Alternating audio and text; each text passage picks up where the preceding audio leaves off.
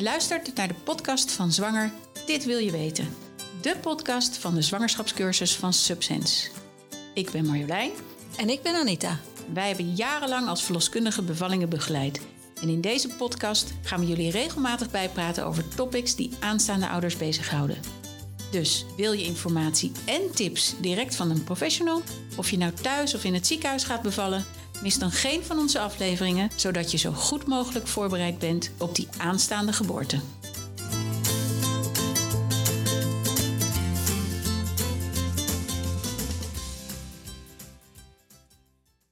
Zijn we nu in business?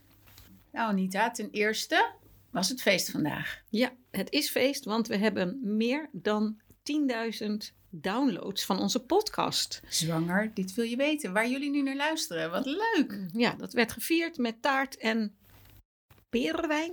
Perensap, uh, sparkling perensap, Ja, 0%. Want het is eh, vroeg op de ochtend. Maar ehm, ja, ik vind het een hele prestatie. Ja, leuk is dat. En, eh, en Mirjam, onze gast van vandaag, die eh, was erbij. Dus eh, we hebben met z'n drieën eventjes eh, gevierd. En nu gaan wij beginnen met de podcast waarin we Mirjam interviewen over haar specialiteit. Dan zou je jezelf even kunnen voorstellen, Mirjam? Zeker, natuurlijk. Van eerst natuurlijk van harte gefeliciteerd met jullie 10.000 downloads. Een prachtige prestatie. Dankjewel, ja. Ehm, ik ben eh Mirjam van Oostenbrugge en eh, al eh, elf jaar eerste lijns verloskundige in het geboortehuis in eh Bussum. Dat is een verloskundige praktijk. Waar ik met heel veel plezier eh, werk. En eh, onder andere ook EMDR doe. EMDR. EMDR, ja, dat is Ja. Een, eh, een Engelse afkorting. En dat staat voor Eye Movement Desensitization and Reprocessing. Doe maar. Een Ja. ingewikkelde naam. En nu in het Nederlands. En nu in het wezen. Waar het op neerkomt in het Nederlands is dat je door middel van ehm, eh, oogbewegingen eh, en gedachten in je hoofd, eh, je werkgeheugen in je hoofd als het ware, zodanig belast. Dat het, eh, de ervaring of de nare ervaring die je hebt op een andere manier wordt weggeschreven. Aha. Dus de herinnering blijft dezelfde herinnering. Maar de emoties, die zet je op een andere plek in je hoofd weg. Oh, wat geweldig. Waarom ik jou heb uitgenodigd, is dat ik zag op jullie gevel, toen ik even kaartjes van de podcast kwam brengen, dat jullie aan traumaverwerking doen middels die EMDR. Ja. Toen was ik wel heel erg getriggerd. Toen dacht ik, ja, dit moet een podcastonderwerp zijn. Dank, leuk. Ik doe het nu, ehm, ik denk sinds twee, tweeënhalf jaar. Waar het op neerkomt eigenlijk is eh, dat als er een trauma is, dus een nare herinnering die je eigenlijk in het dagelijkse leven het liefst omzeilt. Mhm. Eh, maar als er een moment komt dat je hem niet meer kan omzeilen, bijvoorbeeld omdat er een, een nieuwe bevalling aan zit te komen, dan merk je dat als je aan die herinnering die eerder is geweest terugdenkt, dat je emoties daarbij krijgt. En dat zijn sterke emoties. Dus je kunt er niet over praten. Het roept heel veel huilen op. Je wilt het liefst wegstoppen. En die gebeurtenis wil je vergeten. En wat EMDR dan doet, is door middel van eh, het wederom oproepen van de gebeurtenis, daar de emoties bij laten loskomen. Maar vervolgens eh, de, eh, met je ogen bewegingen van een lampje of van mijn vingers te volgen, is dat je eigenlijk je hersenen enorm aan het werk zet. Eh, en je zet ze aan de ene kant aan het werk doordat die emoties weer helemaal door je lichaam heen razen en in je hoofd zitten. En aan de andere kant wordt je werkgeheugen van je hersens belast zodat ze die lampjes van die ogen moeten volgen. Ah. En dat maakt dat het op een andere manier wordt weggeschreven. Ja, met andere woorden, je kan niet twee dingen tegelijk. Je kan eigenlijk, nou je kan wel twee dingen gelijk, maar dan wordt het zo dusdanig belast dat je hersenen het op een nieuwe manier gaan wegschrijven. Namelijk zonder die emoties. Ja, ja. Dat is de gedachte erachter. Ik vraag me dan toch af, het klinkt heel ingewikkeld. Ja. Hoe komt iemand erop dat dit werkt? Nou, ik heb het opgezocht vanmorgen. Ik heb opgezocht dat het in 1987 een Amerikaanse dame was die een nare emotie had en door het park liep en daarmee haar ogen van links naar rechts bewoog en daarachter kwam dat die nare emotie daardoor nou, naar de achtergrond is gezakt. En daar heeft zij een therapie op gemaakt. Uh, correct me if I'm wrong, hè? Helemaal gelijk. En uh, toen is ze dat gaan promoten in de VS. En er zijn heel veel mensen die zijn voor. Er zijn heel veel mensen die zijn tegen. Ja. Maar in Europa, in Nederland, is het toch wel wetenschappelijk bewezen dat Ja. het werkt. Ja. Dus uh, ja, vertel. Um, of heb jij andere... Nee, het, het, het dus is, het is een relatief jonge therapie. ja, in, in 1987 ontdekt en in 1989 door middel van onderzoeken aangetoond dat het kan helpen, dat het mogelijk kan helpen. En sindsdien eh, vindt het, eh, steeds meer, eh, wint het steeds meer terrein. En de laatste, ik denk vier, vijf jaar, zeker met eh, trauma's met bevallingen of op de werkvloer, wordt het gewoon steeds meer toegepast. Doe jij nu eigenlijk alleen maar die trauma's die eh, gerelateerd zijn aan de geboorte? Ja, ik doe echt bewuste enkelvoudige trauma's, omdat het een, een heel groot gebied is. Ik, ik heb niet de expertise als het gaat om hele ingewikkelde zaken van vroeger die meespelen of meerdere complexe gevallen. eh, die verwijs ik graag door naar een ander.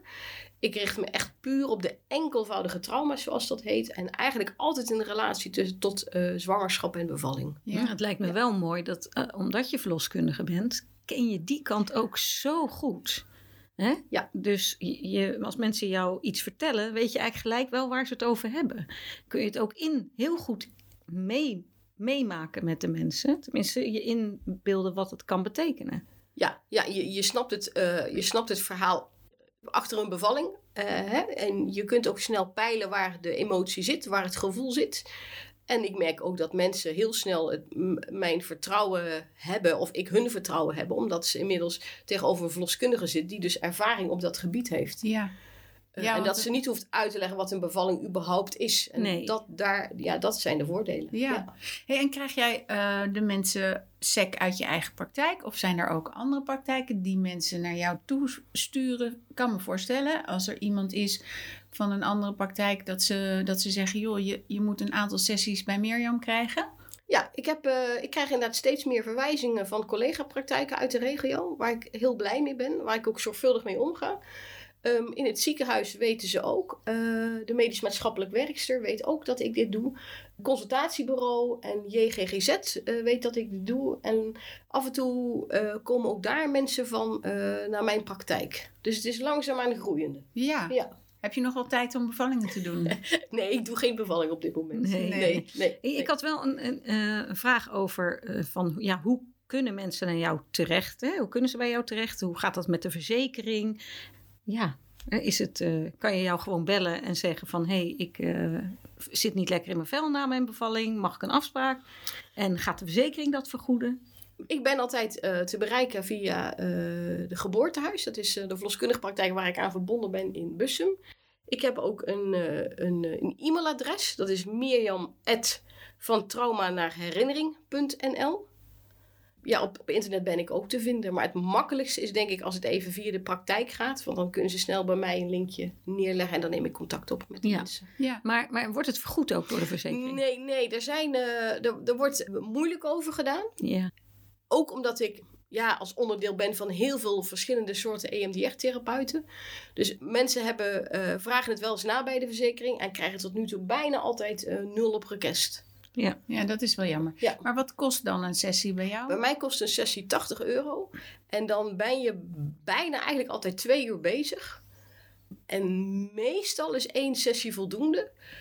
Soms Hmm. is een tweede sessie nodig, maar over het algemeen eh, kom ik een heel eind met één sessie. Dat is eigenlijk wel, ja. Ja. als je het zo hoort, denk je van joh, Ja. daar hoef je dus niet langer met je eigen probleem te lopen.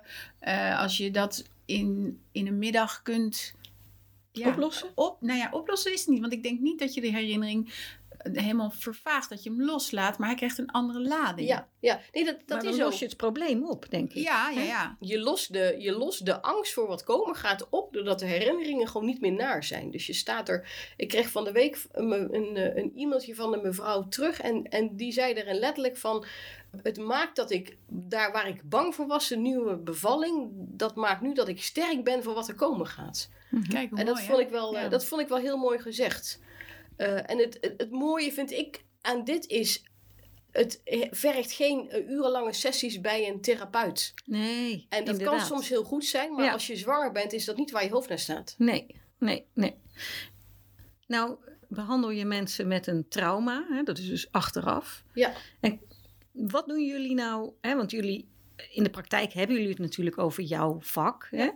Wat doen jullie nou om dat trauma te voorkomen? Want hoe, hoe sta je erin, hoe kan je trauma eigenlijk voorkomen? Waar ik, wat ik altijd merk, iedere keer weer, is dat die trauma ontstaat als er geen goede communicatie is. Ja. De bevalling mag nog net mag nog zo vervelend zijn en nog zo'n slechte uitkomst hebben. Op het moment dat er gecommuniceerd wordt met jou, is er bijna nooit sprake van trauma. En op papier mag een bevalling goed zijn gegaan als er over jou gecommuniceerd wordt, over jou heen gecommuniceerd wordt en je wordt niet gehoord, dan is het een trauma geworden. Ja. Ja, dus je bedoelt een bevalling kan eh, voor degene die jou helpt eh, een, een prima bevalling zijn. Zeggen ze, nou, dat is een vrouw die is helemaal goed gegaan. Terwijl dat voor jou zelf als barende dan helemaal niet zo goed is gegaan. En dat heeft met communicatie te maken. Met, 9,5 van de 10 keer. Ja. Wat mooi dat je dat zegt. Wij- In de cursus leren wij mensen hoe je goed kunt communiceren. Want veel weet je natuurlijk niet wat er op je pad gaat komen.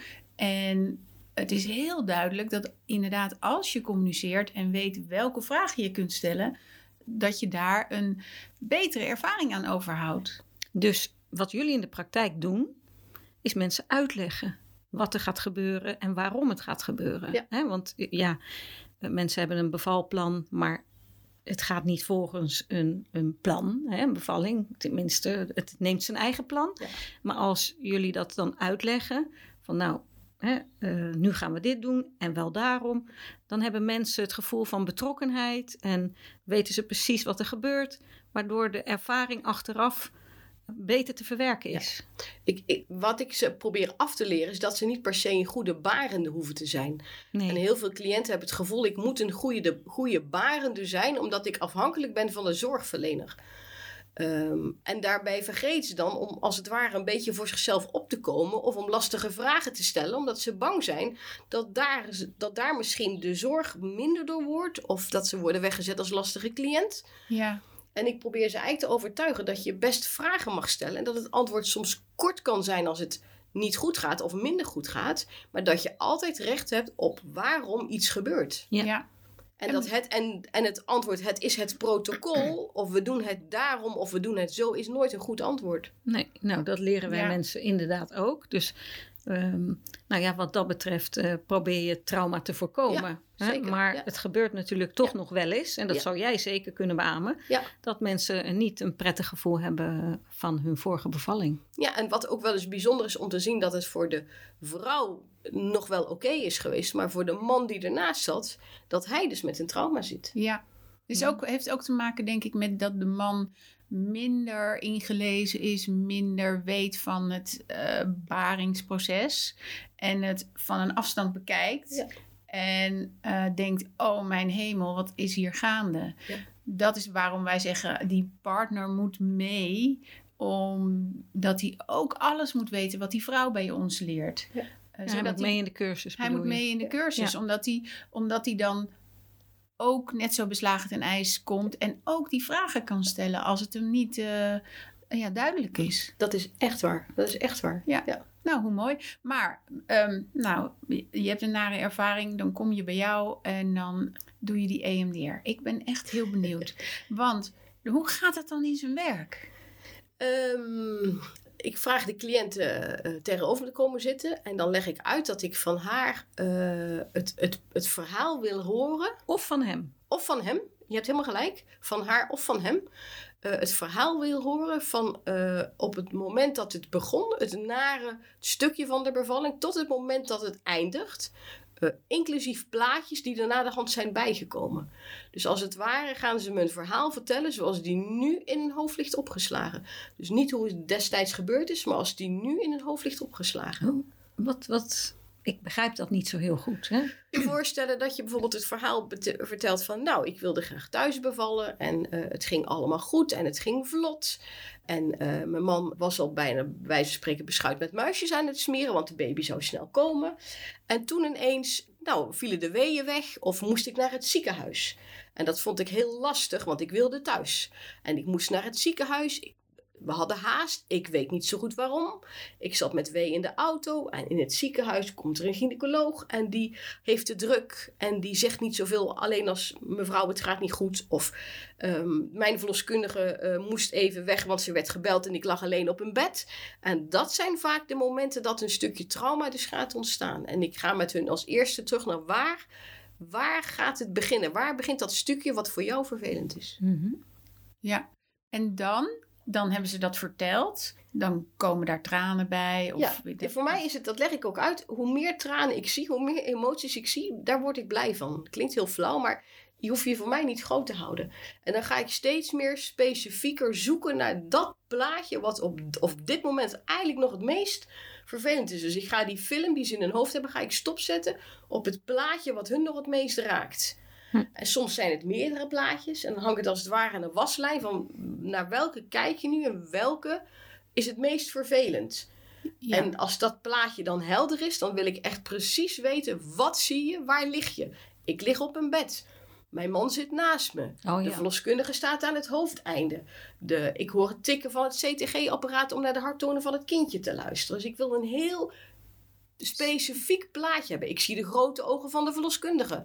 Eh, het gordijn is dicht. Zo, Zij zo- moeten dus teruggaan naar Terug. het moment. dat dat voor hun, dat ze helemaal in hun emoties zitten. Ja. En daar ga je een, een, een. Wat voor cijfer geeft dat als, ik daar, als je daar nu naar kijkt op een schaal van 0 tot 10? 0 is het doet me niks en 10 is het kan niet erger dan dit. En vaak zit je dan op een 8 of een 9.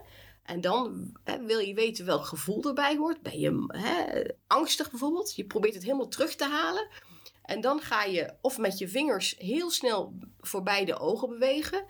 Met corona heb ik nu een lamp die dus heel snel heen en weer gaat, zodat ik niet te dicht bij de cliënt hoef te zitten. Ja. En dan gedurende een halve minuut voelen ze de emotie, maar moeten ze met hun ogen die lampjes gaan volgen. Ah, ja. En dan vraag ik op het moment dat ik stop met de lampjes, wat merk je? En vaak is het, mijn kin zit dicht of mijn hoofd doet pijn of er zit een bal in mijn buik. En dan zeg ik, denk daaraan. En dan ga ik weer opnieuw. En na een, een keer of tien eh, ga ik terug naar de eerste herinnering. En dan zeg ik, nou, je begon met een 8 bij deze herinnering. Waar zit je nu? Nou, een 4. Ah, Waar zit die 4? Nou, ja, ik lig wel op die kamer, maar het is een beetje vaag. Hm. Ehm, maar ik zie nu wel eh, die eh, vacuümpomp. Of ik zie nu wel dat er allemaal scharen liggen. Kijk naar dat beeld en dan gaan we weer opnieuw. En zo probeer je stapsgewijs eigenlijk op een nul te eindigen. ah, ja, ik Je snap pelt het. het af. Je pelt het af. Ja, Ja, maar wat mooi dat mensen dat dan niet vergeten, maar dus het een andere eh, lading geven. ja. Het- de herinnering blijft echt jouw herinnering. Daar kom ik niet aan. Nee, nee. Ja, het is echt een. eh, Het, het lijkt een beetje hocus pocus. Maar Anita, Ja. het is ook zo. Wij doen dat met een andere techniek. En bij ons gebeurt het ook in de, in de lessen dat ik, dat ik mensen zie met een trauma en die dan hier komen. En wij vertellen eigenlijk alleen maar positieve geboorteverhalen. En zo iemand met een moeilijke bevalling, die zegt dan: Ja, ja, het zal wel, het zal wel. Ja, wat zeg je allemaal wel? Maar. Er is altijd een maar. En dan hebben wij één script. Wij, wij maken gebruik van hypnosescripts. Wij doen helemaal niks. Die mevrouw gaat het zelf oplossen. Die gaat zelf aan de slag in haar gedachten met die nare gedachten. En dan lost het zich vanzelf op. En als die mensen uit die hypnose komen, dan zijn ze, dan zie je aan hun mimiek dat ze een andere, andere ervaring hebben. hebben. Dat ze, eh, zeg maar, positiever naar die, naar die komende bevalling kijken. Ik vind dat ook heel mooi. Maar dit gaat veel sneller, lijkt me. Het gaat sneller en het, eh, het is echt iets actiefs. Hè? Wat, je bent er actief mee bezig. Terwijl je bij ons, eh, mensen met een trauma, hè, die, die een eerste bevalling hebben gehad, die niet lekker liep, komen natuurlijk ook bij ons. En dan zijn er twee dingen die enorm helpen. Gewoon het vertellen van het verhaal, maar dat, dat doen ze bij jou ook. hè. Het vertellen van het verhaal en eh, met een andere verloskundige daar naar kijken. Eh, soms begrijpen ze niet. eh, wat er is gebeurd. En door het vertellen van het verhaal eh, kun je er, daar wat begrip in kwijt. Soms hebben ze verhalen die niet kunnen kloppen, maar dat hebben ze in hun hoofd zo. Ingevuld. Ja, en door daarover te praten los je ook al iets op. Hè? Ja. Het, je hoort soms hele rare verhalen. En dat loslaatscript van ons, ja, dat, dat is iets wat in het onderbewustzijn dan gebeurt. Dus dat is niet zo heel actief. En ik kan me voorstellen dat als je eh, enorme trauma hebt en je zit ermee, hè, wat soms da- mensen kunnen daar nou dagelijks last van hebben, denk ik. Van, eh, Zeker als, het weer, als ze weer voor een tweede keer zwanger zijn of een derde keer zwanger zijn. Ja. ja. Nou, kan ik me ook voorstellen dat je denkt van ja, ik moet, ik moet ermee aan de slag. Ja. En dat je dan voor zoiets als EMDR gaat kiezen. Ja, zeker. En, Maar hoe maak jij reclame hiervoor? Want dat... dat en nu? hè? Ja, nu. Maar, Nee, ja, Ja. Eigenlijk mond-op-mond beleid. Ja. ja, ja, ja, ik, laat, ik, ik maak niet actieve reclame, dat hoef ik ook niet. Ik, dat wil ik ook niet. Ik vind het fijn als mensen zo vastlopen. ehm, dat ze dan zelf eh, een weg gaan vinden om hulp te zoeken. Want dat zijn Ja. ook vaak de meest gem- de mo- gemotiveerde Ja, mensen. ja. Dan willen ze ook zelf. Dan willen ze ook zelf. En ik, ik heb ook een, een, een van ja, mijn moeder vindt dat ik met jou moet praten. Dan merk ik al dat die emotie is er niet. Nee. nee, Eh, maar help, ik wil heel graag dat je me snel ziet. Dan denk ik, dan zit die emotie er en dan kan ik ermee aan de slag. Ik heb echt de, de, de keiharde emotie eigenlijk nodig. Ja. Hey, en, en kun je dan, stel dat je een trauma hebt en je gaat een beetje googelen. Kom je jou dan ook tegen? Als je zegt, eh, misschien is het geen goede vraag hoor. Dan Ik, weet, nou, weet ik niet. Ik, ik, ik- op het geboortehuis eh, staat een kopje van EMDR met uitleg. eh, wat ik doe, eh, wat de kosten zijn. Er staat een filmpje bij wat EMDR betekent. Daar kun je mij op terugvinden. Ja, ja. Maar actief zo. Nee, maar als jij zegt van nou, ik heb genoeg werk en ik zie eh, voldoende mensen, dan... ja, dan wil je ook niet. Nou, nee, ik, ik heb niet genoeg werk, maar ik vind het heel lastig. Ik, ik, ik kan mezelf nooit zo goed verkopen. Ik hoef het ook niet. Nee. Eh, Maar goed, als, als de verloskundige in verloskundige land in jouw omgeving jou weet te vinden. Ja, ja. En jij weet gewoon van nou weet je, ik kan een cliënt van jullie zien en dat bijt elkaar ja, niet. Nee, Dan nee, eh, nee. is dat fantastisch Ja. natuurlijk. Ja. Ja. daar hebben we goede afspraken over Ja. gemaakt. Ik doe alleen dat stukje EMDR. Ja. Eh, en dat vind ik ook mooi. Ja. Ik vind het een prachtige, prachtige toevoeging eh, aan mijn vak. En, en kost het jou nou ook heel veel energie? Want ja, Ja. je moet inderdaad, zo, die verhalen, dat, dat, dat doet ook iets Ja. met de mens. Hè? Dus ook met, eh, met jou, denk ik. Ja, ik, ik ben, eh, ben snel gevoelig voor de emoties van een ander. Ik pik dat snel op. En, en waarbij ik voorheen dacht, oh, dat kan ik best twee keer op een dag doen. Merk ik nu als ik één goede EMDR-sessie op een dag heb gehad, dan, dan zijn die emoties raken mij ook. En wat minder, meer afstandelijk, want ik ben er niet bij geweest.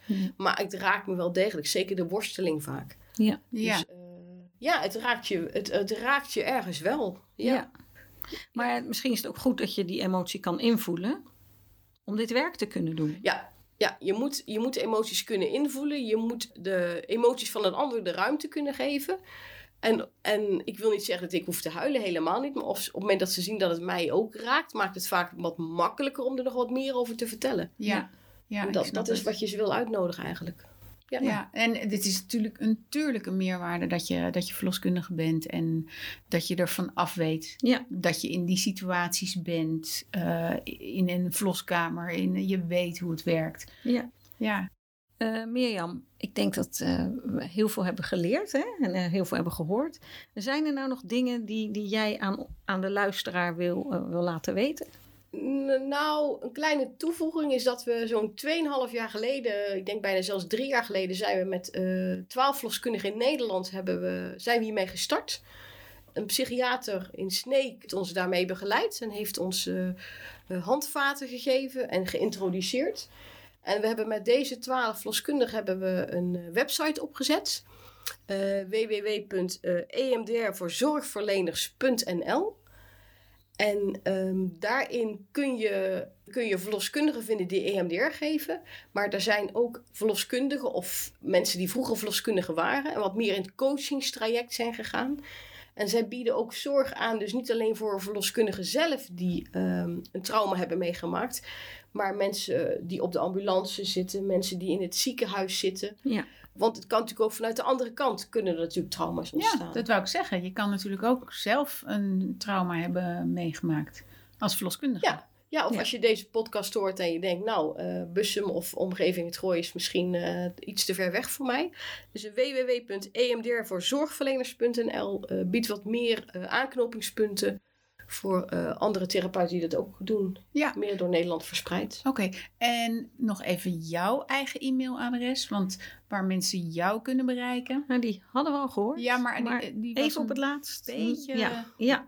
anders moeten mensen weer terug gaan luisteren. Dus Ja, eh, dat nu is- het ja, moment ja, om hem nog een keer... Dat mensen nog een keer horen, Ja. dat is altijd handig. Mijn eh, e-mailadres is Mirjam met een i en een j. Mirjam at van trauma naar herinnering.nl. Prima. Nou ja, dat lijkt me duidelijk. Nou, Ja. ik ben een stuk wijzer geworden. Dankjewel, Mirjam. Dank voor deze uitnodiging. Ik vond het fijn om eh, er wat over te kunnen vertellen. Ja, Nou, eh, heel interessant. leuk gedaan. En ik denk Ja. dat er vele mensen eh, hier iets aan gaan hebben. Dank je wel. Graag gedaan. tot de volgende keer. Dag. Ja, jeetje, ik heb echt, echt heel veel geleerd. hè? leuk hè? Ja. Je Ja. wil nog een stukje taart. Nee, Nee, nee, nee dankjewel. Nee, dankjewel. Nee, maar eh, hartstikke leuk joh, dat je, dat je dat hier wilde vertellen. Want je doet het eh, hartstikke goed hè? Ja, Ik, ik vind het ook echt leuk. Ik moet nog in één keer denken aan de situatie. Een tijd geleden, een dame bij mij, die had van haar kinderen een eh, sessie bij mij cadeau gekregen. Ze was 65. jeetje. En eh, liep al heel lang met een, met een gewoon een vervelende herinneringen. En weet je, op het moment is het, le- leef je het leven en, en zakt het wat naar de achtergrond. Maar ook haar kinderen wisten dat het nog altijd eh, bij hun moeder beklijfde als een vervelend iets. Ja. En eh, die heb ik twee keer gezien. En eh, zo bijzonder dat je dan dus kan wegnemen, ook na al die jaren. Zo, Het leven wordt zo lichter dat zal wel 40 jaar geleden Ja, ja, ja, ja. ja, en dat ja. je dat dan toch Ja, nog ja, maar meeneemt dat- van dag tot dag. En- Dat is als je, weet je, de herinnering is er gewoon. En als je hem weer oproept en daarop doorgaat, dan komt hij toch in, eigenlijk in volle hevigheid, komt hij Ja. weer naar boven. ja. En dat is, eh, wat, je, wat je gewoon ziet is, er, iemand bevalt en het is vervelend. En je merkt dat het een, hele vervelende ervaring is, maar je stopt het weg, je gooit het achter je rug. Het wordt een rugzakje eh, en het leven gaat door. Eh, de kleine wordt groot, peuterspeelzaal, weet ik het. Het leven gaat door totdat het moment komt dat je gaat nadenken over een volgende zwangerschap. En soms zie ik echt dat mensen de zwangerschap uitstellen vanwege de trauma van een eerdere ja. zwangerschap. Want dan Ja. gaan ze er weer over nadenken. ja, en dan, hè, want we hebben, je, je geeft net het voorbeeld van iemand van 65. Hoe draag jij dit dan over op je eigen kinderen? Ja. Die Ja. dan ook gaan Ja. bevallen. Dan maak je toch ook eh, Ja. hele nare momenten mee. Als jou, je weet, mijn kind ligt nu te bevallen. Dat Maar is ja. voor, voor een oma, hè, die oma wordt, is toch ook heel, heel eh, Ja, moeilijk? En, en afgezien wat je dan natuurlijk ook doorgeeft, ook bijvoorbeeld met vriendinnen. Als jij een, echt een hele nare ervaringen hebt, zal jouw verhaal naar een dierbare vriendin mogelijk toch wat meer, meer sterk gekleurd zijn. Dan dat het gewoon een ervaring was die prima was. En oké, de binder dan het, eh, de volgende. Ja. Ja. Leuk. Ik denk dat het wel een goede podcast is. Ik denk het ook. We, we houden ermee op. Je luisterde naar de podcast Zwanger, dit wil je weten van Subsense. Mede mogelijk gemaakt door Koffiecode Podcast. Je kunt ons volgen via Insta, Facebook, LinkedIn en onze site www.subsense.nl.